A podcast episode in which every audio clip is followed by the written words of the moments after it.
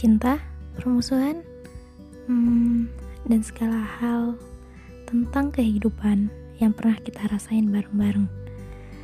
Ini bukan tentang